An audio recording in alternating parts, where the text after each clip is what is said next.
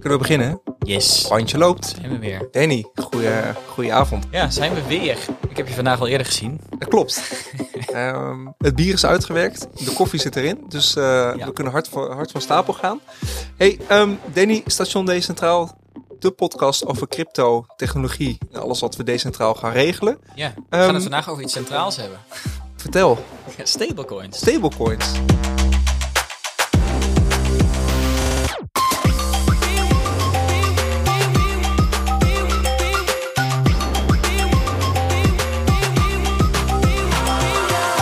Ai, dat is volgens mij een heikel puntje op dit moment. Want deze stond al in de voorbereiding. Ja. Ehm, maar We hebben hem iets naar voren geschoven. redelijk actueel, want er is iets gebeurd. En jij weet er meer vanaf dan ik. Ja, op het moment dat we het opnemen is het eh, twee weken geleden dat eh, nou ja, de cryptomarkt aardig is ingezakt. En het had te maken met eh, dat er een stablecoin is, die overigens wel decentraal geregeld is, maar waar dat niet helemaal goed ging. Eh, dat is Terra USD, dus een stablecoin die draait op Luna. Nee, het is een stablecoin die, eh, die, ehm, ja, die zijn peg verloor. Mhm. zeggen. Dus die eh, stablecoin die moest altijd 1 dollar waard zijn. Ja, want je gaat wat, straks wat meer uitleggen over wat een stablecoin is, hoe het Ja. werkt en dat soort dingen. Klopt. Maar, maar die was opeens niet meer 1 dollar. Die werd steeds lager. En nog weer lager, nog weer lager, nog weer lager. En toen zag hij de hele boel op elkaar. Ja. En toen gebeurde het ook nog bij andere coins. Nou ja, en dat uiteindelijk eh, trok de hele markt naar beneden. Dus nou, daar kregen we best wat vragen over. Dus ik dacht, nou ja, mooie aanleiding om hier een keer over te gaan hebben. Nou, dat gaan we vandaag doen. Maar voordat we verder gaan, ehm, leuk om te vermelden is dat naar aanleiding van onze aflevering van een tijdje geleden ehm, goed heeft eh, gescoord. Want we hebben een heleboel reacties van mensen gekregen die zijn gestart met ehm, het kopen van hun eerste bitcoin. Ehm, en dat hebben ze gekocht via Bit My Money. Want dat had, was een van de partijen waarvan we zeiden, zonder dat het een eh, sponsor is of, of wat dan ook. Over sponsoren gesproken, komen we straks ook nog op terug. Ehm, die zijn dus gestart met, ehm, met hun eerste aankoop, wat natuurlijk hartstikke leuk is. Ja. Zouden ze stress hebben van de daling of zouden ze het in de daling hebben ge- gekocht? Ja, dat is. eh, nou ik kwam natuurlijk iets later uit dan hebben we opgenomen. Dus ik moet even uh, hard op denken. Nee, dat, dat, eh, dat, het is denk ik wel net daarna geweest. Ja, Dus eh, ik hoop dat ze nou er geen spijt van hebben. vast niet. Nee. Hoddel, hè? uiteindelijk, precies. Uiteindelijk zou je er nooit spijt van moeten hebben. Doe je het altijd voor de langere termijn.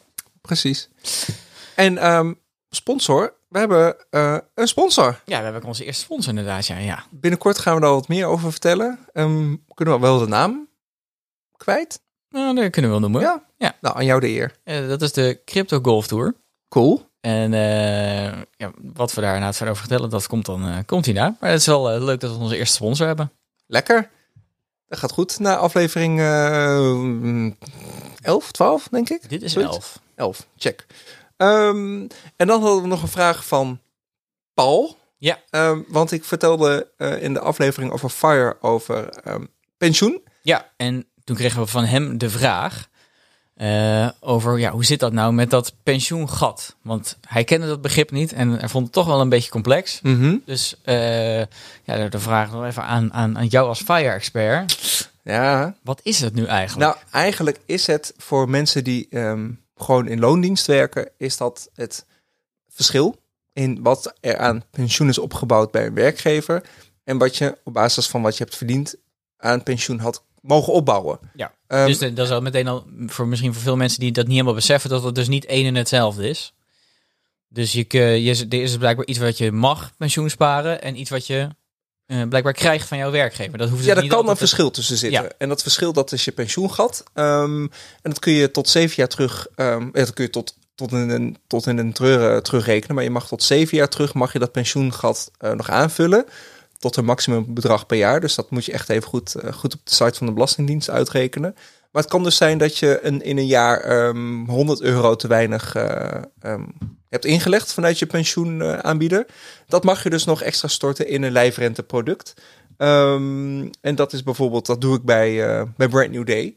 Ehm, en bij mij is dat wat groter, want ik heb geen pensioen. Dus mijn pensioengat is gewoon het maximale wat ik elk jaar mag storten. Dus het verschil tussen 0 en het maximale wat ik eh, mag storten. Precies, want jij moet natuurlijk gewoon helemaal zelf voor je pensioen zorgen. Ik dus- zorg daar helemaal zelf voor. Ja. Het grote verschil tussen ehm, zo'n pensioenproduct via Brand New Day en of dat noemen ze eigenlijk pensioenbeleggen of pensioensparen. ehm, en wat je bij een pensioenaanbieder, bijvoorbeeld het ABP, inlegt. Mhm. Ehm, wat je via je werkgever bij het ABP inlegt, is van de grote pot. Dus als je op je eh, 68ste eh, overlijdt, dan ehm, houden ze meer geld over. Ehm, word je 98, dan ehm moeten ze meer geld betalen. Oh, Dus het is het geld- Ik, ik, ik heb er nog nooit zo over Het is het, is het geld van, van de pensioenaanbieder en niet, niet jouw geld meer. Ah. Ehm, bij zo'n lijfrenteproduct blijft het jouw geld. Hmm. En dat is dan weer weer handig voor eventuele nabestaanden of wat dan ook. Maar mocht ik toch eh te komen overlijden, dan is dat geld wat ik heb opgebouwd, is gewoon van mijn erfgenamen. Ehm, en sommige mensen hebben een heel groot pensioen gehad, sommige mensen bijna niet. Dat is echt gewoon uit te rekenen via de site van de Belastingdienst. En wat je dus, eh, het verschil daartussen, dat mag je, mag je storten. Oké. Ehm, maar dat stort je wel in een lijfrenteproduct. Dus het is ook, eh, wat je stort mag je niet meer opnemen. Dat blijft vaststaan Ja. tot je eh, pensioendatum. Ja. Maar dan is het wel helemaal van jou. Het is Ja. jouw eigen potgeld. Check. Ik hoop dat dat... eh, Nou, dan hopen we, eh, gaan we nog even checken bij Paul. Maar ik hoop dat het nu eh, duidelijker Ja. is voor iedereen. ehm, dan gaan we naar het onderwerp van vandaag. Ja. Stablecoin. Ehm, wat is dat eigenlijk, Danny? Ja, heb jij wel eens een stablecoin bezit? Bezoten? Nee, Bezit, bezoten? gelukkig niet, volgens mij. Nee, nee stablecoins zijn eigenlijk relatief nieuw nog. Ik zat even naar de market cap te kijken. En het grappige was, als je in, op 1 januari 2020 was er voor 6 miljard aan stablecoins. 6 miljard dollar. Ja, Mhm. eh, op 1 januari 2021 was het eh 30 miljard. Dus dat is al Ja. keer Vijf. 5. En op 1 januari 2022 was dat 150 miljard. Dus die Keer nog een vijf. keer 5 gegaan. Ah, Dus het is best wel, eh, nou ja, behoorlijk gegroeid in de Ja. afgelopen eh, jaren. Ehm, en stablecoins zijn eigenlijk eh eh, ja, cryptovaluta, maar die eigenlijk eh, ehm, ja, gekoppeld zijn aan een bestaande eh, fiat-valuta. Dus de dollar bijvoorbeeld. Dus eigenlijk, je hebt de, ja, bijvoorbeeld de, ja, de grootste, die zijn USDT en USDC. mhm. En, Je hebt eh, er wel eens voorbij zien komen in, eh in Nexo bijvoorbeeld. ja, nou ja, daar, daar staan ze inderdaad, eh, daar klopt, daar kun je ze inderdaad allebei gebruiken. En ehm, ja, het idee is inderdaad dat ja, zo'n token die volgt dan eh, de, de dollar. Ehm, dus zo'n token is uiteindelijk precies hetzelfde waard als 1 dollar. En dat is eh, handig. Mhm. En waarom is dat handig? Nou, ehm, stel bijvoorbeeld jij wil handelen. Dus stel je hebt eh, bitcoin en je denkt, "Hm, ik denk dat de bitcoin naar beneden gaat. Dus, eh, en je wil daarop inspelen. Dus je wil een stukje bitcoin verkopen. Mhm. Ehm ja, dus even de vraag van, ja, wat, wat doe je dan? Eh, je zou het bijvoorbeeld kunnen terugverkopen naar euro. Ja, dat heb ik wel eens gedaan. Gewoon Ja. terugverkocht, Ja. eh, euro's ergens laten staan volgens mij. Of terug naar mijn bankrekening overgemaakt. En eh, Ja, Ja. dus bij, bij veel diensten is het niet echt per se mogelijk om het dan daar in euro's te laten staan. Dus dan gaat het naar terug naar je bankrekening. Nou ja, dat kost tijd. En uiteindelijk als je wil handelen, wil je dat eigenlijk heel snel doen. Ja. Dus het is eigenlijk wel fijn als je dat bijvoorbeeld binnen die exchange ook weer direct terugkrijgt. Nou, daar zou je bijvoorbeeld het UZT voor kunnen gebruiken, of UCC, of in ieder geval een stablecoin.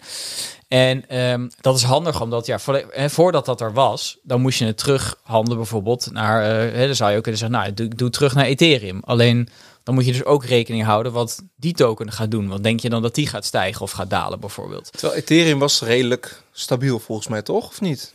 Ja, en even los daarvan. Ja. Dus Je moet eigenlijk dus met twee tokens dan rekening gaan houden van wat ze gaan doen. Dus je Ja, dat- precies. en het is natuurlijk handiger dat je eh, dat over één kunt doen. En dat je denkt, nou, ik handel het terug naar een stabiele eh, munt. Ja. Bijvoorbeeld naar de dollar.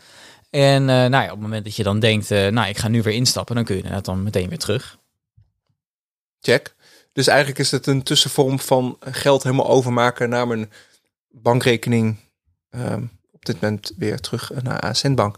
Ehm, in plaats van. ehm, eh, dus, dus in plaats van dat je alles of een deel verkoopt om dat, om dat op je bankrekening te laten staan, is het eigenlijk een mooie vorm om heel snel te kunnen handelen. Het wordt een andere, je koopt er een andere coin voor die gewoon heel stabiel is, omdat hij heel netjes de dollarkoers volgt.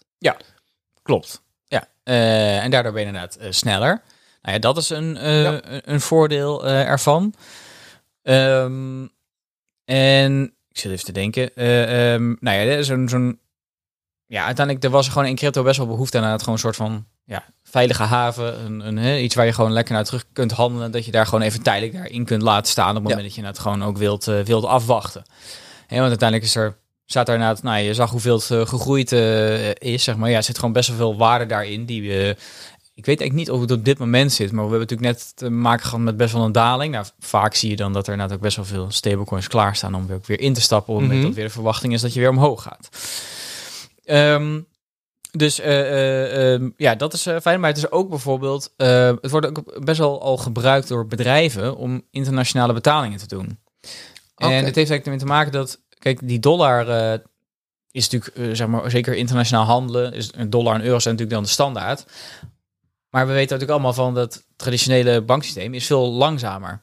En in Nederland valt het allemaal best wel nog mee. Hè, want dan heb je al die instant uh, betalingen, zeg maar. Dus als ik nu iets aan jou uh, overmaak, dan, nou, dan heb je het vrijwel direct. Maar ja, als je naar andere landen of naar, naar een ander continent, dan gaat het al ineens, is het dan ineens weer heel anders. Dus veel langzamer. Uh, en dat is denk ik het voordeel van zo'n stablecoin ja, die uh, loopt op uh, crypto rails. Mm -hmm. dus, dus de, in feite, als ik het nu uh, overmaak naar een andere wallet, ja, dan staat het daar super snel ja. in vergelijking met, met de traditionele financiële systeem. Dus ja, dat heeft ook best wel veel voordelen.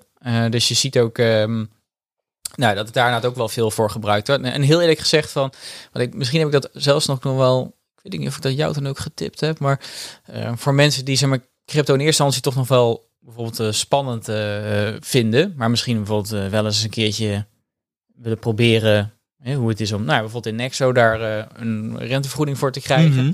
Nou, dat zou je ook in eerste instantie een keertje met zo'n stablecoin kunnen proberen. Hè, dat is toch minder voor veel mensen oh, wat minder spannend dan zeg maar om dat met bitcoin te doen. Dus dat zie ik ook wel steeds vaker gebeuren dat ja, mensen daar dan eerst soort van mee beginnen. Dat, dat heeft hem niet zo heel veel zin, want het blijft nee, de dollar. ik ben het met je eens hoor. Uiteindelijk, uh, we doen dit allemaal omdat we veel eerder in natuurlijk crypto of bitcoin geloven en niet zozeer. Uh, maar soms verlaagt het de drempel iets. Maar het is wel populair geworden dan. Ik bedoel, in twee keer, vijf keer over de kop. Ja. Hè, van uh, 6 naar 30, 30, 150. Ja, nee, dat miljard. Dat klopt, dat klopt. En um, ja, dat heeft ook wel. Uh, het is zeker net best wel groot geworden. En dus de, ja, het belang dat zo'n token dan ook goed functioneert, is ook wel heel groot geworden. Hè? Dus als er zoveel geld in zit, ja, stel er gaat iets mis mee, mhm. dan uh, zijn de gevolgen ook best wel groot, zeg maar. Dus en USDT was eigenlijk de eerste, die is uh, zeg maar uh, uitgegeven wordt die door volgens mij heet het bedrijf daarachter ook gewoon Tether. Het is van dezelfde oprichters als Bitfinex, dat is een grote exchange. Mhm. En um, ja, op dit punt moeten we een beetje gaan kijken van hoe werkt zo'n stablecoin nou eigenlijk? Ja. Um, want uh, ja, je moet dat uh, uiteindelijk, uh, hoe het eigenlijk een beetje op de achtergrond werkt, is dat nou, je hebt het bedrijf, in dit geval die erachter zit, de Stellar, ja. USDT. Dat is um, wat er in feite gebeurt, is dat er is een centrale partij, hè, dat is nog even goed om te duiden. Station decentraal, dus we hebben het ook over decentraliteit. Nou, dit is niet decentraal. Dus eigenlijk een partij die ervoor zorgt, die hebben een kluis. En op het moment dat jij USDT wil, Mhm. bijvoorbeeld ter waarde van 1000 dollar, is jij geeft ze 1000 dollar en jij krijgt voor 1000 dollar uh, tokens terug. 1000 tokens. Ja, en ondertussen, uh, zij geven dat in feite uit. Zij drukken die op dat moment ook gewoon bij. Dus mhm. de supply wordt er niet zo vergroot. Jij, jij krijgt dat. En um, op het moment dat, uh, dat jij dus die weer wil verkopen, dan hebben ze dat dus gewoon in de kluis liggen. Alleen op dat moment hebben ze er niet iets aan verdiend. Nee, dat was net een vraag. Ja. Van, maar er moet toch een, een verdienmodel achter zitten? Want een kluis huren met geld erin, dat is niet uh, het goedkoopste wat je kan doen. Nee, Nee, want je moet dat natuurlijk inderdaad allemaal beheren. En uiteindelijk, uh, ja, dus, dus zij moeten natuurlijk daar ook wat, wat, wat aan verdienen. Um, dus um, wat er, um, maar het is een beetje een spanningsveld, want je, je kunt dat dan gaan beleggen. Ja. Maar als, ehm, nou ja, stel je hebt, uh, stel uh, hij zou 1000 dollar waard zijn, want jij hebt dat erin gelegd. Ja. Um, maar ineens uh, wil jij daar 500 dollar uithalen. Dan moet er wel op dat moment direct die 500 dollar eruit te trekken zijn. En als dat in een langlopende belegging zit, ja, dan gaat dat niet. Nee. Ehm, dus eh, ja, dat is een beetje zo de uitdaging van ja, enerzijds eh, wil, ze, is, wil je daar ja, wil, ze- wil, je- ga je dat op een bepaalde manier beleggen dat je er wat eh, rendement op maakt.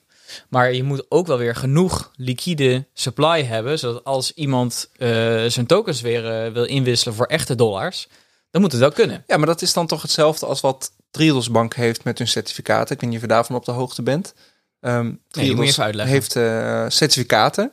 En ehm, toen, een tijd geleden, volgens mij begin corona, ehm wilde in ieder geval eh, wilden heel veel mensen hun certificaten verkopen omdat ze geld nodig hadden. Oké. Ehm, stel je voor, je hebt een, een horecazaak. ehm, je doet heel netjes bij Triodos Bank eh, wat beleggingen. En eh, je hebt daar wat eh, certificaten van. Die wil je verkopen. En op een gegeven moment was, steeg die verkoop van certificaten zoveel... dat ze daar geen geld tegenover konden stellen.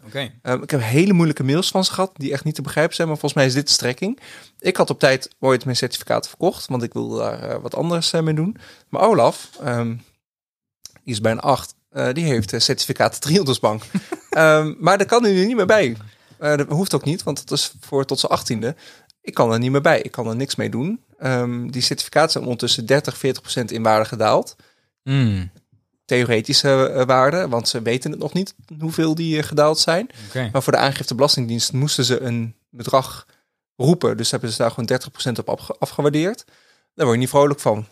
Is, is dat een beetje hetzelfde eigenlijk? Van ehm, je koopt certificaten in en er staat te weinig liquide geld tegenover om die certificaten Ja, wel. terug te kopen? wel, Ik denk het wel. Ja, wel inderdaad voor een deel. En maar bij stablecoins is het denk ik nog belangrijker. Laat ik zo, de, voor een stablecoin moet hij een bepaalde waarde aanhouden. Dan zou je Ja. kunnen zeggen, bij zo'n certificaat hoeft dat. Nee, het blijft niet, een soort belegging. Ik bedoel, het certificaat Ja. eh, klopt, eh, kan Maar- veel minder waard worden. Maar in principe steeg dat certificaat elk jaar gewoon netjes mee met wat, wat die waard was. Ja. Nou ja, wel inderdaad het probleem dat is blijkbaar inderdaad dat ook als ze belegd hebben, dat ze dat dan niet snel genoeg kunnen teruggeven. Ja. Dus wat dat betreft, dat aspect inderdaad wel.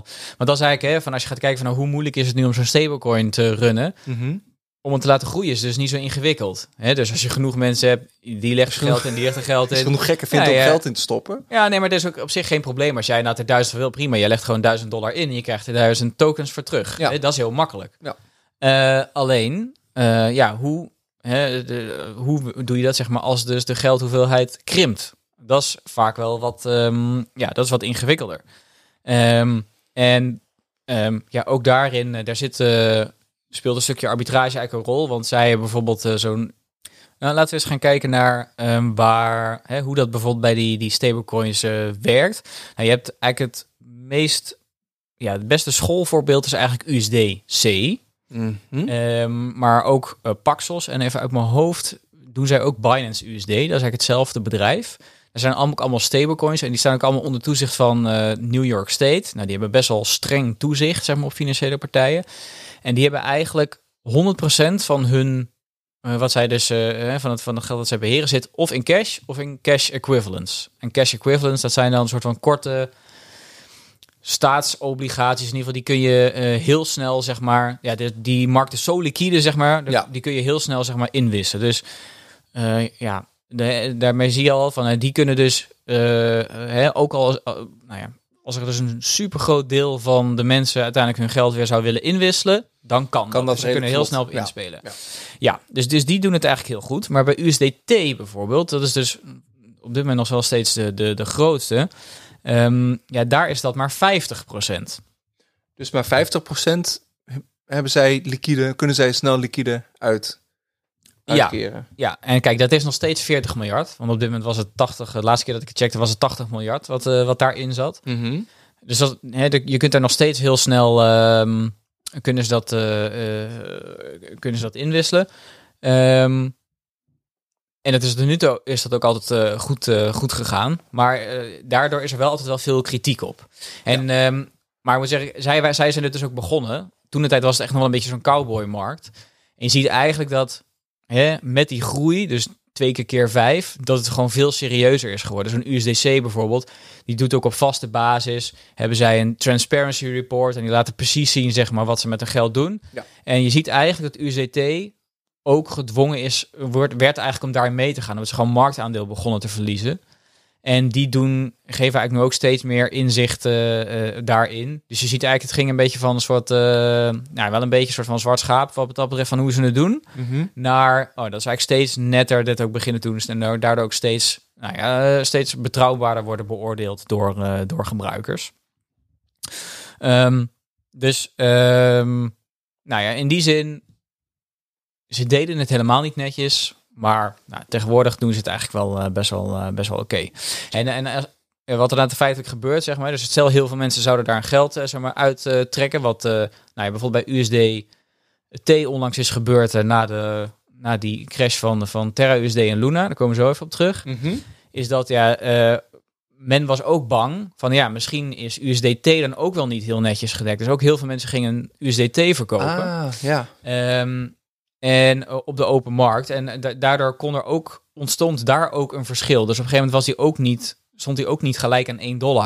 Maar wat er in feite dan gebeurd is, ehm Tether zelf, die koopt dan die dollars, eh, die USDT kopen ze op. Ja. Ehm, en ehm, eh, eh, te- eh, tegen een lagere koers en vernietigen ze daarna. Dus maken ze ook nog winst ook eh, daarop. Die moet je even uitleggen. Nou, omdat, eh, eh, kijk, zij zien gewoon dat het uiteindelijk 1 dollar waard is. Mhm. Maar op de markt werden ze op een gegeven moment voor een lagere prijs aangeboden. Oh, vanwege ja. de paniek. Dus Ja. zij kopen dat. In feite vernietigen ze daarna weer. Maken ze uiteindelijk winst op. Want uiteindelijk gaat die gewoon weer naar 1 dollar. Tuurlijk. Dus ehm, Ik heb hem. ehm, alleen, dat, daar ontstond wel dus eventjes... eh, ze noemen dat dat hij zijn pack verloor. Dus hij, hij was eventjes niet meer 1 dollar. Ja.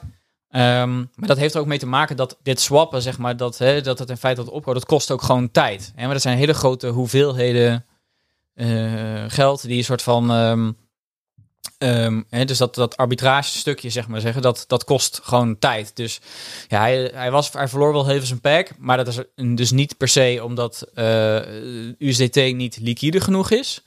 Maar eigenlijk omdat dat stukje, dat arbitrage, dat kost gewoon eventjes tijd. ja, maar hij dat- verloor maar heel weinig, toch? Uiteindelijk. Echt op... op... Wel als je het gaat ver- vergelijken met eh, wat er nou bij Terra is gebeurd. Want daar komen we nu... eh, Ik kijk heel even snel, maar ik zie hier eh, van 1 dollar. Het is niet eens uitdrukken naar 0,9955. ja, Uiteindelijk. ik dacht wel dat hij ietsje meer was afgeweken. ik, zie maar hier, nou, ik zit hier een beetje te kijken, maar goed, het kan. eh, ja. Ja. Nou ja, maar Maar goed. Uiteindelijk, net, eh, uiteindelijk eh, ehm, ehm, wil ik zeggen, uiteindelijk viel dat inderdaad wel mee. Bij Terra was het iets ander verhaal. mhm. Ehm, we hebben het gehad over USDT, USDC, Paxos. Dat zijn eigenlijk allemaal centrale eh, stablecoins. Ja. Dus een partij zeg maar, die dat beheert. Er zijn ook decentrale stablecoins. Ehm, bijvoorbeeld, eh, nou ja, er zijn een aantal soorten, maar ja, meestal wordt er gepraat over algoritmische stablecoins, waar er, waar er eigenlijk een soort van smart contracts zijn die soort van de, eh, de, functies van, dat, van, van die stablecoin zijn. Ehm, en nou ja, je hebt de Terra, Terra Ja. blockchain, daar heb je Terra USD, dat is Ja. een stablecoin, en Luna. Ehm, en ik ga het proberen op een manier te vertellen, zonder er tot op, op super nitty-gritty niveau in te gaan, maar wel op een manier dat het begrijpelijk is. Ehm, maar in feite, Terra is inderdaad een stablecoin die inderdaad 1 dollar eh, waard zou moeten zijn. En ze hadden een soort van mechanisme. Klopt, was ook netjes. Ik zit even mee te, Ja, mee te was kijken. ook Ja, netjes. was, eh, tot eh, 9 mei was hij nog, eh, nog 1 dollar. Ja, en ook daar is een soort van arbitrage eh, mogelijkheid eh, voor, voor gebruikers. En wat er, wat er een soort van eh, beloofd wordt, is dat je eh, 1 Terra USD altijd in kan wisselen tegen een hoeveelheid Luna ter waarde van 1 dollar. En Luna is een, dus een andere token wat op die blockchain draait. Mhm. Ehm, en nou ja, dat functioneerde op zich een langere tijd ook wel goed. Want hij stond inderdaad op 1 dollar. Ja. Ehm, Dus ik had eh, als argeloze, eh, ik, ik was nog even aan het twijfelen of ik bitcoin zou kopen. Dus ik heb daar Terra USD van gekocht, want dat is eh, 1 dollar is 1 Terra USD.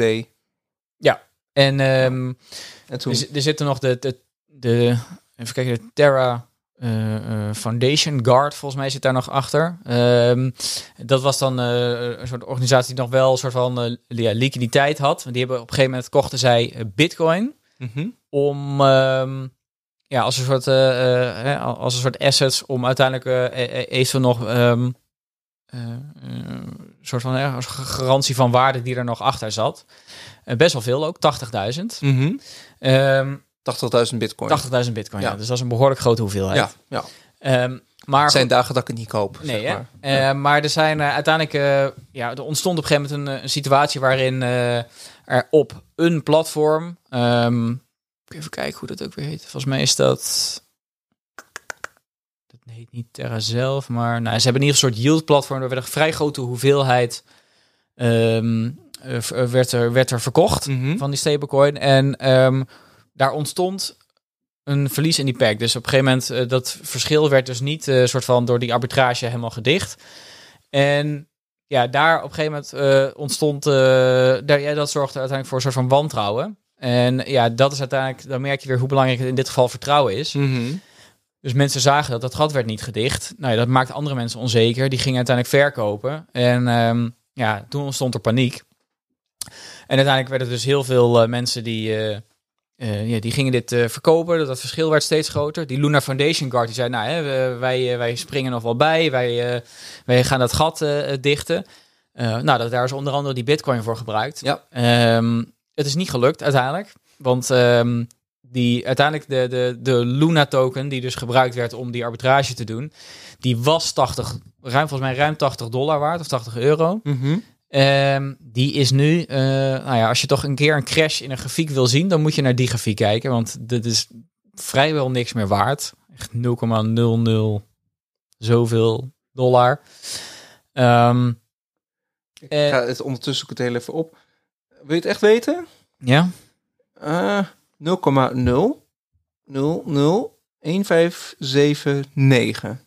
nou ja, dat is niet En veel het was-. Eh, vlak daarvoor rond de 80 inderdaad. Nou ja, en... eh, Moet ik kopen of niet, Danny? Wat? Nou, dat zou ik niet doen. Nee, en de Luna Foundation Card die heeft uiteindelijk dus ook heel veel bitcoin moeten verkopen. Ja. En die hebben er nog 313 over. Nou, kan ik ook mee leven. Doe mij die dan maar. Toch? Ja, maar eh, dat is ook de- precies de reden dat uiteindelijk de markt in elkaar klapte. Want 80.000 eh, bitcoin is ook best wel wat, eh, even los van de macro-onzekerheid die er al was, is best wel wat om te absorberen. Dus dat was, nou, speelde ook wel een groot aandeel uiteindelijk in de crash van de algehele eh, markt. Maar wat is er nou echt gebeurd?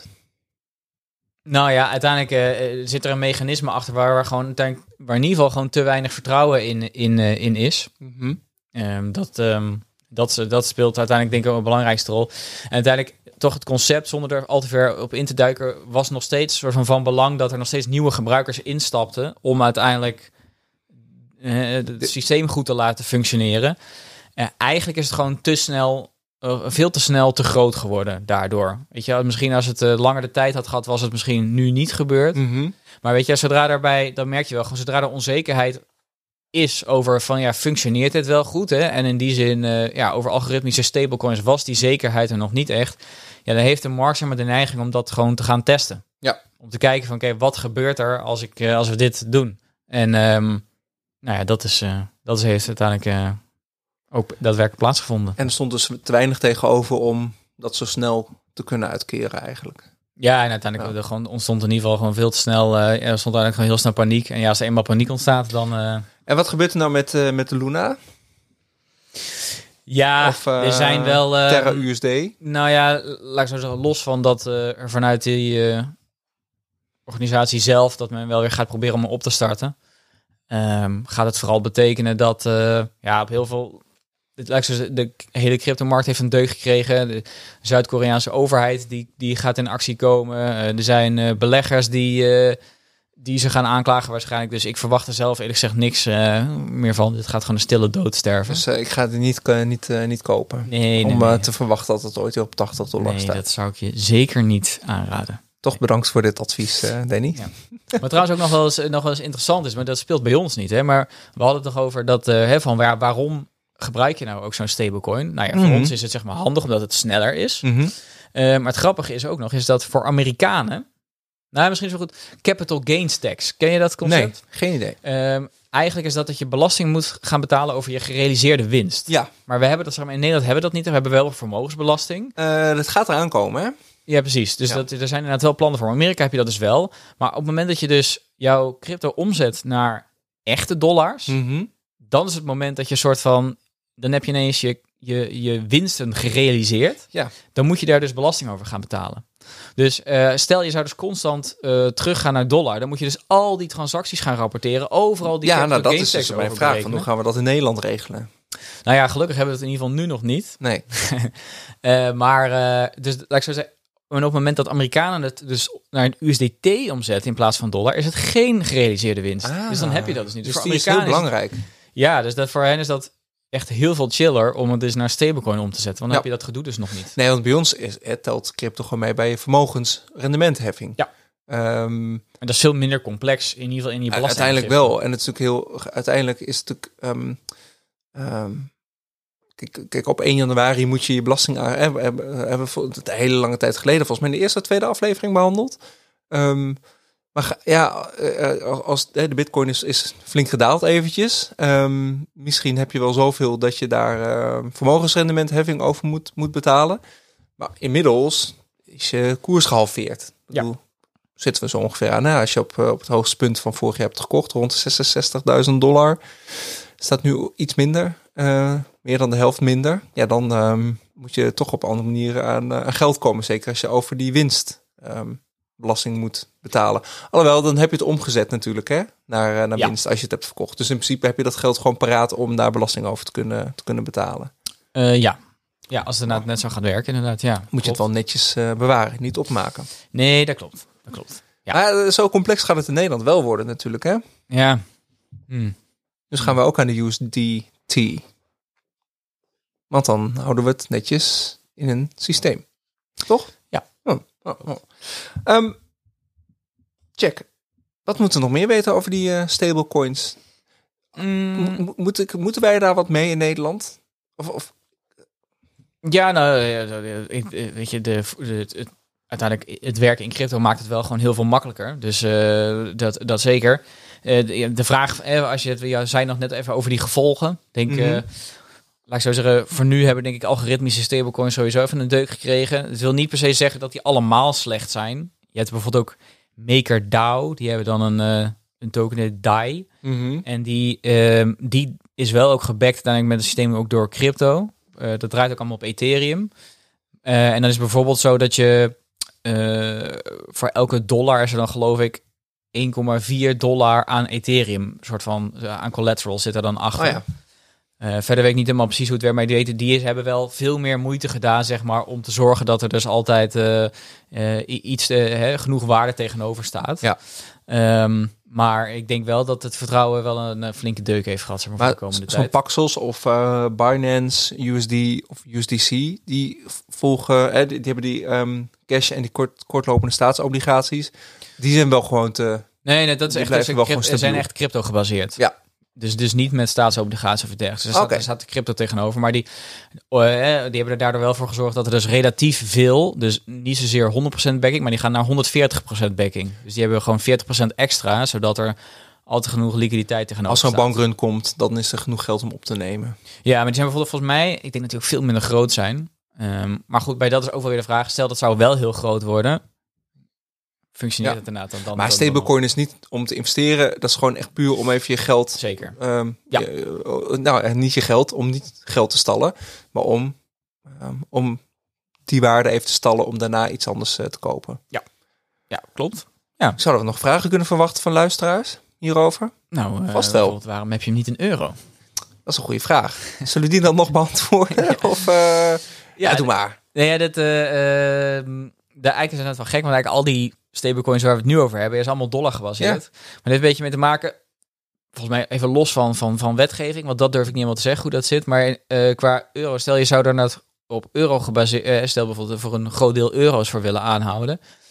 Ehm we hebben negatieve rente. Mhm, Nog wel. Ja, maar dat is best lastig als jij een stablecoin wil houden. Dus je moet dan meteen, moet je daar al veel meer rendement tegenover stellen om eh, te zorgen Ja. dat jij dus dat jij niet waarde verliest. Nee. Dus eh, dat is inderdaad wel, eh, dat is wel een dingetje.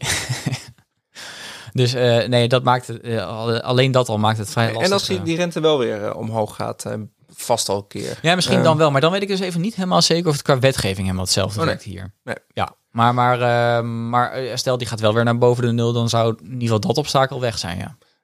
Gaan we stablecoin beginnen, Danny? Is dat een, een goed verdienmodel? Eh, ik zou het niet aandurven, nee. Nee, Nee, dan doen we dat maar niet. Blijven we gewoon lekker podcasten over dit Precies. soort, eh, dit soort dingen.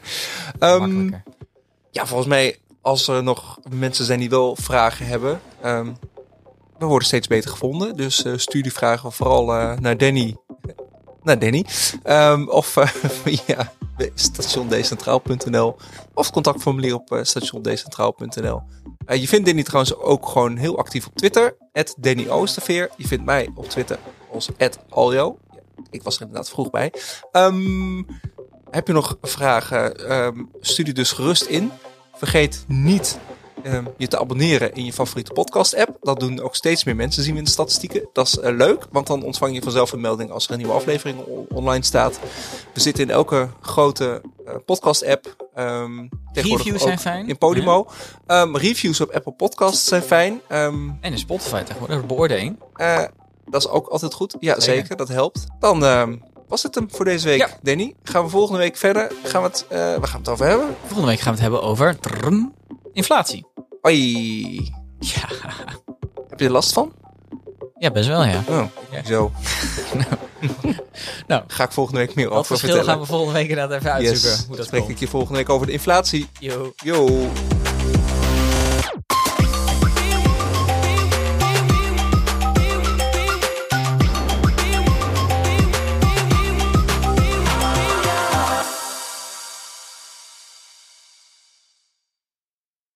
Dit is een podcast van De Podcasters. Wil je adverteren? Neem dan contact op met info@thepodcasters.nl.